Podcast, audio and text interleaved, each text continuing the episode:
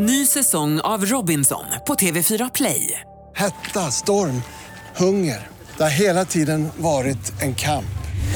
Nu är det blod och tårar. Fan händer just nu. Det. är Detta är inte okej. Robinson 2024, nu fucking kör vi! Streama söndag på TV4 Play.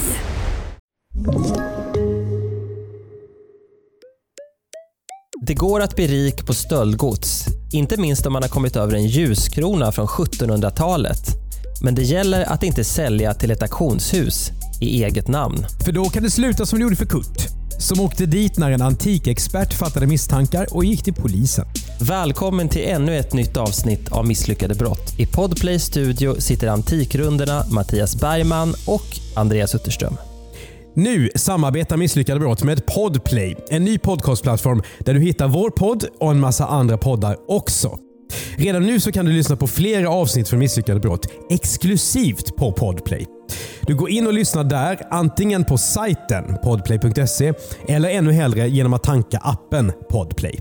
Just den här gången Mattias tänkte jag att vi skulle prata lite om kyrkor. Vilket vi ju mycket gärna gör.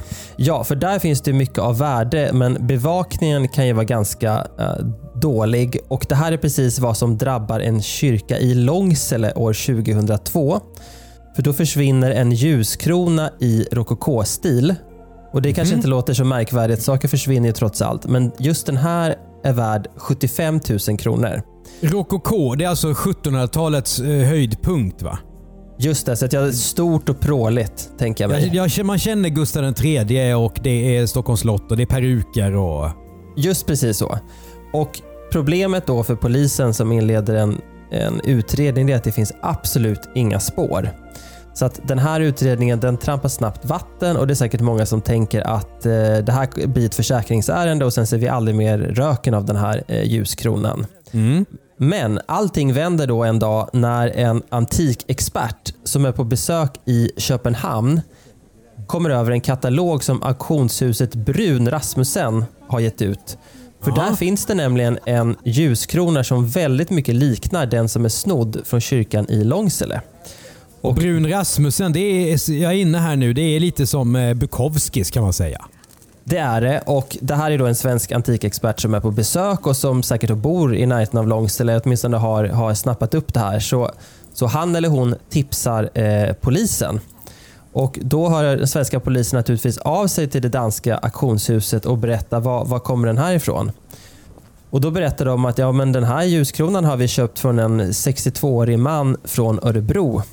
Kurt. Alltid, det är ofta Örebro i den här Ja, podden. det är det. Och jag är inte förvånad, jag som har, både har bott där och har växt upp eh, inte långt därifrån. Du har, Och- du har levt det, du har växt upp i det. Jag älskar det. Precis så är det. Och vem är Kurt då? Jo, han har handlat med antikviteter i eh, 20 år. Och när han sålde den här ljuskronan då till auktionshuset i Köpenhamn så fick han, hur mycket då tror du Mattias? Den är ju värd 75 000. Ja, inte så mycket. Antagligen. Alltså, Han fick- om han, och han har ju inte haft, han har ju noll i utlägg så han är väl nöjd med vad som helst. Ja, det ska jag säga att han fick 50 000 men vi vet inte om han har snott den själv eller om han har köpt den eller till och med beställt den av någon annan. Det är fortfarande oklart, men Kurt grips naturligtvis och nu ställer polisen en massa frågor och han har som ofta då här i Misslyckad brott svårt att förklara sig. Jaha du. Så att Men det brukar ju inte hindra de här brottslingarna. Nej, hans version är att han har köpt kronan på en parkeringsplats i Stockholm för 40 000 kronor och säljaren var en man i blå skåpbil. Men vänta här nu. Kurt är alltså någon, också någon form av antikexpert. Han har hållit på i 20 år och köpt och sålt saker. Han, han handlar med antikviteter, så det kan Ja. ju mycket väl ha gått till så här. Men då Ja, är men, frå- men frågan hur, varför... hur, skulle en seriös antikperson liksom köpa något från en man i en blå skåpbil på någon parkeringsplats som han inte vet vem det är och han ställer inga frågor om var de har fått den där kronan ifrån och så. Det bär ju inte sannolikhetens prägel som de brukar skriva. Det kan ju gått till så här, men under rättegången så får han av åklagaren precis de här frågorna som du ställer nu. Ja, men varför fattar du inte några misstankar? Du ska göra en stor affär på en parkeringsplats och det är en man i en skåpbil och du, du frågar inte vad han heter eller någonting. Och Då svarar Kurt, det är så här det går till. Det här är inget ovanligt. Vilket ju är ett uselt försvar. Det skulle man ju kunna säga om man har sålt knark, sålt knark också i något lite sämre område. Att det är så här det funkar. Ja. Och det, det bryr ju inte juristerna sig om. Ny säsong av Robinson på TV4 Play. Hetta, storm, hunger. Det har hela tiden varit en kamp. Nu är det blod och tårar. Fan händer just nu. Det. är Detta är inte okej. Robinson 2024, nu fucking kör vi! Streama söndag på TV4 Play. Ett poddtips från Podplay. I fallen jag aldrig glömmer djupdyker Hasse Aro i arbetet bakom några av Sveriges mest uppseendeväckande brottsutredningar. Går vi in med hemlig telefonavlyssning och, och då upplever vi att vi får en total förändring av hans beteende. Vad är det som händer nu? Vem är det som läcker?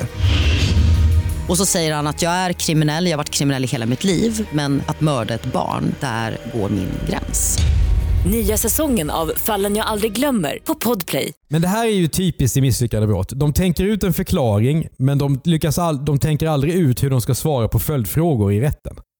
Han har ju i alla fall lite mer detaljer än vad de brukar ha. Han säger att det är en man och det är en blå skåpbil. Eh, sen har han ju liksom inget mer att komma med. Han kunde ju ha hittat på och fejkat något kvitto eller något sånt där, men det finns inget sånt. Och när han får då frågan just om varför han inte har fått något kvitto så svarar han det är inte brukligt. Det är ju en flagrant lögn. Ja, men, eller så är det inte brukligt, men då säger det någonting om eh, i vilken gråzon som Kurt brukar göra affärer. Ja, och och det, är ju, det är ju inte heller något vidare försvar eh, när man hamnar i rättegång.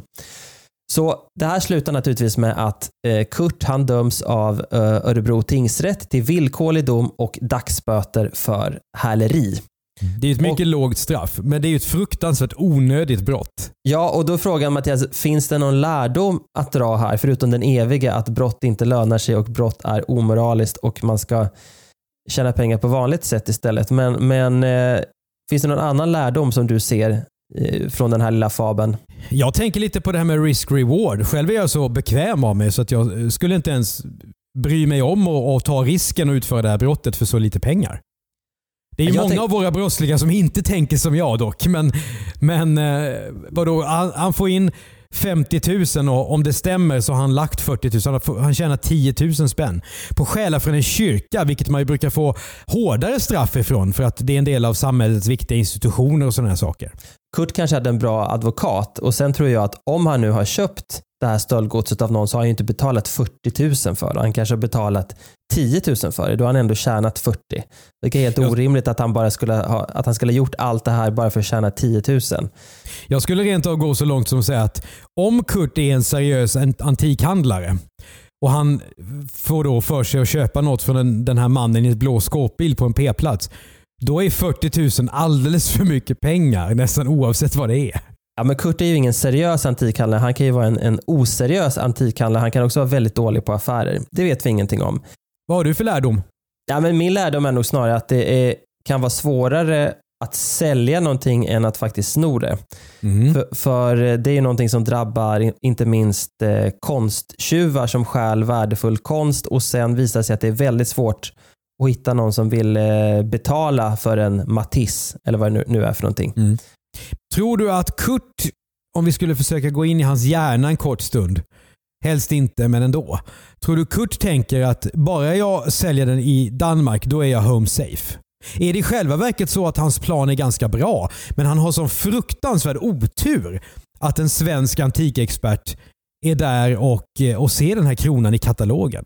Han hade nog kommit undan annars och man kan förstås fråga sig varför den här danska, eh, det danska auktionshuset inte ställde fel frågor. Om de också gjort sig skyldiga till brott. Men det är ju i så fall en sak för det danska rättsväsendet. Men jag tror nog att Kurt inte har gjort det här för första gången och att Kurt har tjänat en hel del pengar på det här sättet. Antingen i Köpenhamn eller i andra närliggande länder. Men det här måste ju tyda också på ett väldigt mörkertal. Och vi har ju gjort eh, tidigare, avsnitt tidigare om konstbrott, alltså rena förfalskningar av måleri och sånt där. Men det måste ju hänga en massa stöldgods hemma hos folk som de ropar in på. Allt ifrån bondauktioner till eh, onlineauktioner och så. Och just när du säger det så sitter du själv faktiskt framför en tavla i ditt eget hem. Då undrar man ju, har du stöldgods på din vägg? Ja, det kanske jag har, men den är inte ett stöldgods. Den har jag nämligen målat alldeles själv. Okej, då kan vi avskriva den. Ja, den kan vi avskriva. Men om den en dag försvinner Mattias, då vet du att då är det jag som är på väg till Köpenhamn för att sälja den där tavlan och tjäna lite extra pengar eh, på misslyckade brott. Jag tror inte att du ska räkna med att det täcker en pension. Det är det enda jag säger. Och vill du lyssna på de vanliga, långa avsnitten av Misslyckade brott så får du ladda ner Podplay-appen och lyssna där. Nästa avsnitt kommer handla om morsan, en matriark från 1800-talet och hennes stöldliga av unga fattiga män. Nu är det ju inte alla som har möjligheten att utvandra. Hedvig Sjögren, som hon först heter, hon tillhör de som kämpar i motvind på hemmaplan. Hon föds i Småland den 15 januari 1846. Som det sjätte barnet i familjen. Hedvigs pappa är sergeant, mamman är hemma och tar hand om barnen. Du har hört ett kort avsnitt av Misslyckade brott av Andreas Utterström och Mattias Bergman. Exekutiv producent är Jonas Lindskov. För Podplay så gör vi en poddarna misslyckade affärer, misslyckade makthavare och Jag var där. Normalt sett kallar vi oss för commercial content och gör du också podden Världens bästa innehåll. Betygsätt och recensera gärna misslyckade brott så är det fler som hittar till podden. Och mejla oss för guds skull tips på fler mer eller mindre antika brottslingar till misslyckade bplus.se. Ny säsong av Robinson på TV4 Play. Hetta, storm, hunger. Det har hela tiden varit en kamp. Nu är det blod och tårar. Fan händer just det. Det är detta inte okej. Robinson 2024, nu fucking kör vi! Streama söndag på TV4 Play.